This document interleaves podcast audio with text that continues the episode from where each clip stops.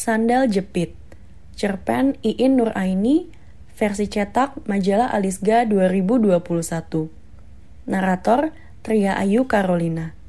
Ilustrasi musik Enda Fitriana.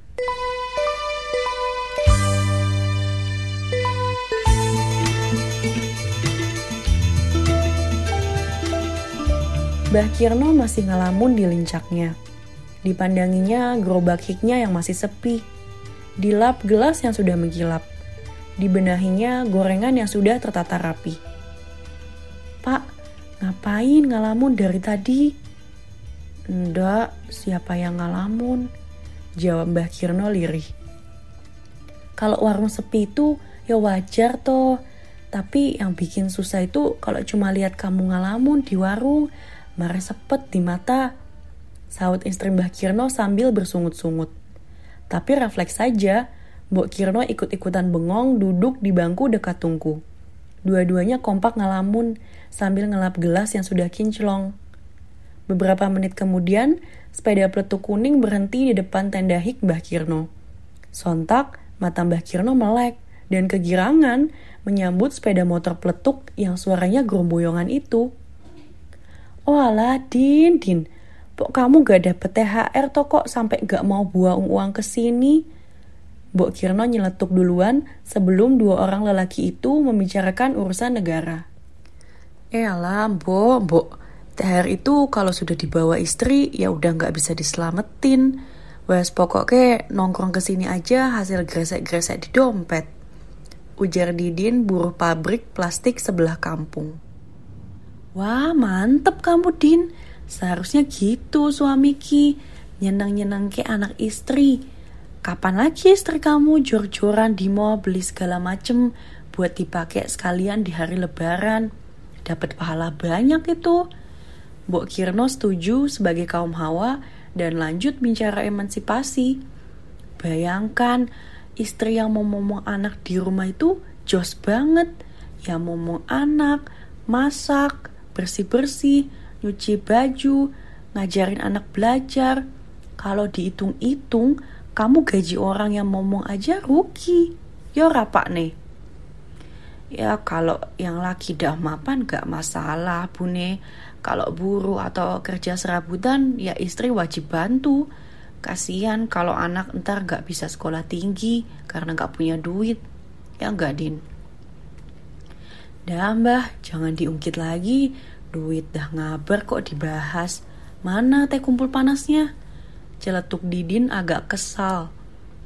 Lah mana si Sutris? Biasanya kan kalian berdua renteng-renteng kayak sendal jepit. Harus sepasang kalau mau make. Didin cuma melengos. Kalian ki yo bisa jotakan toh. kayak anak kecil marahan. Tawa Mbah Kirno tergelak sampai batuk-batuk. Bok Kirno membawakan segelas teh kampul, monggah-monggah sambil duduk di dekat Didin yang usianya seumuran anaknya itu. Wes itu lombok, banyak yang mau datang aso, udah sana ganti topik. Naiknya harga daging karena lebaran diobrolin, biar asyik dengerin bode-bode kibah. Kok kayak orang penting aja ngurusin negara, tiang alit ki biasanya nurut sama atasan. Yo rapak nih. Bah Kirno cuma manggut-manggut, dan sesekali melirik pada Didin dan tangannya ngawe-awe supaya minggir di depan sebelah tembok rumahnya.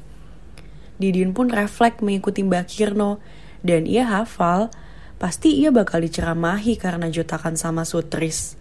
Meski ia males dengerin Mbah Kirno, tapi tetap ia dengarkan. Selama ini hanya Mbah Kirno yang ia curhati macem-macem, dari masalah pabrik sampai urusan rumah.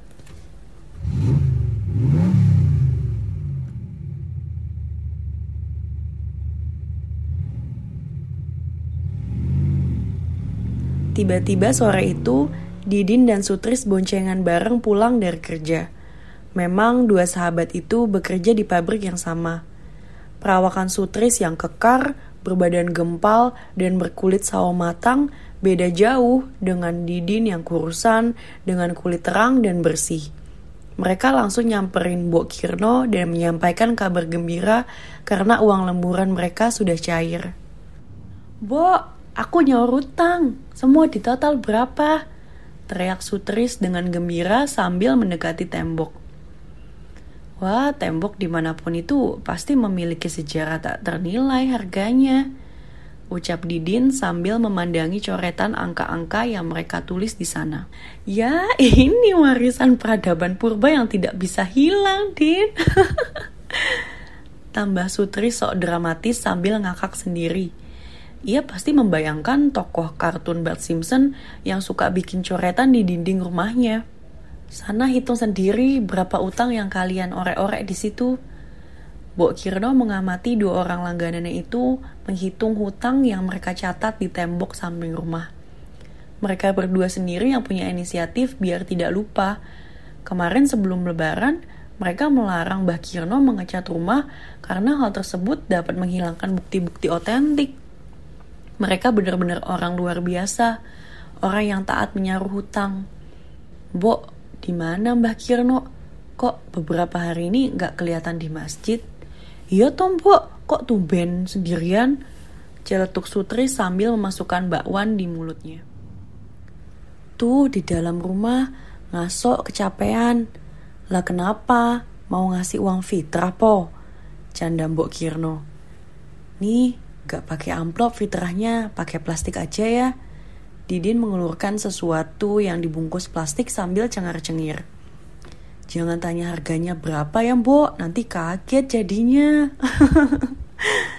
Mereka ngakak terus nyetater sepeda peletuknya.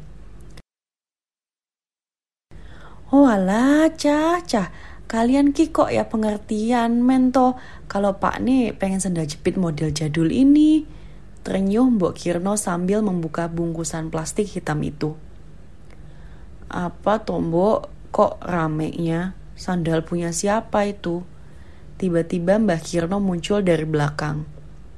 Ini loh, dibelikan si Didin sama Sutri sandal jepit yang kamu pengenin itu loh. Ini sandal jepit zaman dulu kok yang masih ada ya. Nyarinya di mana mereka Ki? Walah, sing sing mereka berdua Ki. Meski bernada menggerutu, Toh sandal itu dielus-elus sambil dicoba berulang-ulang.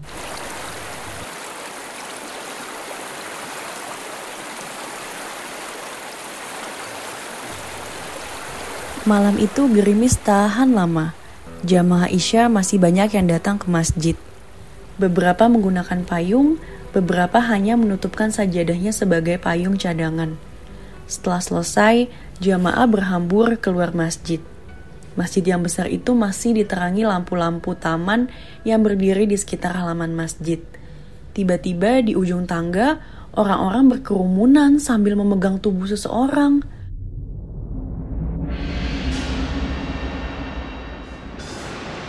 Sutris yang kebetulan baru keluar pintu masjid langsung menuju ke arah kerumunan tersebut. Ada apa ini? Siapa yang pingsan? Tanya Pak Haji juga mendekat. Mbah Kirno Pak Haji, jawab seorang pemuda yang masih memangku tubuh Mbah Kirno yang lemas. Apa? Mbak Kirno? Sutris langsung membuka kerumunan tersebut dengan paksa. Bagaimana kejadiannya? Namun mereka menggeleng. Tahu-tahu Mbak Kirno jatuh saat mau memakai sendal ini, Mas. Jawab pemuda itu. Apa Mbak Kirno terpeleset? Korek Sutris pada pemuda itu tapi dia hanya menggeleng. Cepat, ayo bawa ke rumah sakit, teriak Pak Haji kepada jemaah. Sutris hanya jongkok dan memegangi tangan Mbah. Ia mencoba menemukan detak di nadinya. Namun lemah sekali. Ia pun tak yakin apa yang ia rasakan. Tak mungkin Mbah Kirno... Ia mengelap keringatnya. Ia mendadak ngeri mempunyai sangkaan buruk itu. Astagfirullah. Tidak, tidak. Ia mengibaskan tangan berulang kali.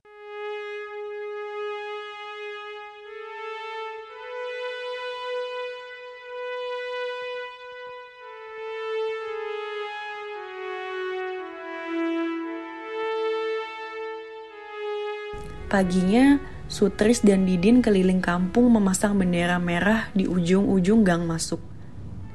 Masing-masing masih saling diam. Mereka bengong meski terus mengerjakan sesuatu. menata kursi-kursi dan merapikan sepeda-sepeda motor para pelayat. Ketika Pak Lura berpidato, Sutris dan Didin masih berdiri bersandar tembok dekat warung Hikbah Kirno. Sesekali ia melirik coretan-coretan miliknya dan punya Didin.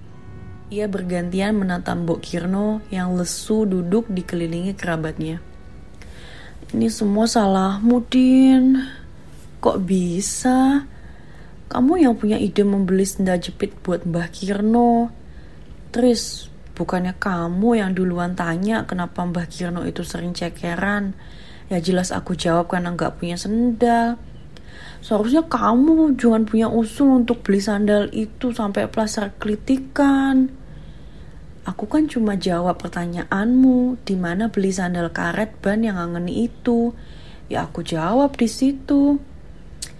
Hmm, kenapa Mbah Kirno meninggal pas dia mau pakai sandal itu? Kan aku jadi baper. Gelus Sutri sambil mengusap matanya. Jangan bilang kamu nangis, Tris. Tanya Didin sambil mengamati temannya itu. Sutris menggeleng sambil sesenggukan ayo cepat. Nangisnya keburu kita ngangkat jenazahnya. Setidaknya sandal jepit itu yang selalu mengantarnya ke masjid. Sandal jepit itu yang tiba-tiba Didin berhenti tak melanjutkan kata-katanya. Jangan bilang kamu nangis Din. Gembeng cepetan nangisnya malu-maluin. Kamu juga nangis gitu loh Besok jangan lupa kita totalan sama Mbok Kirno. Kasihan kalau nunggu akhir bulan. Iya, jawab Didin lalu refleks pandangannya memaku di tembok Bert Simpson. Coretan-coretan angka mereka memenuhi tembok. Tris, besok kita harus mengecat tembok ini. Pemandangan tembok ini tak nyeni lagi. Dan Sutris pun mengangguk tanpa komando. Jangan khawatir, Mbah. Besok tembokmu tak cat. Gumam Sutri seolah-olah ngomong sama Mbah Kirno, lalu mengusap air matanya lagi. Ia tak malu sesenggukan di pojok tembok itu sambil jongkok.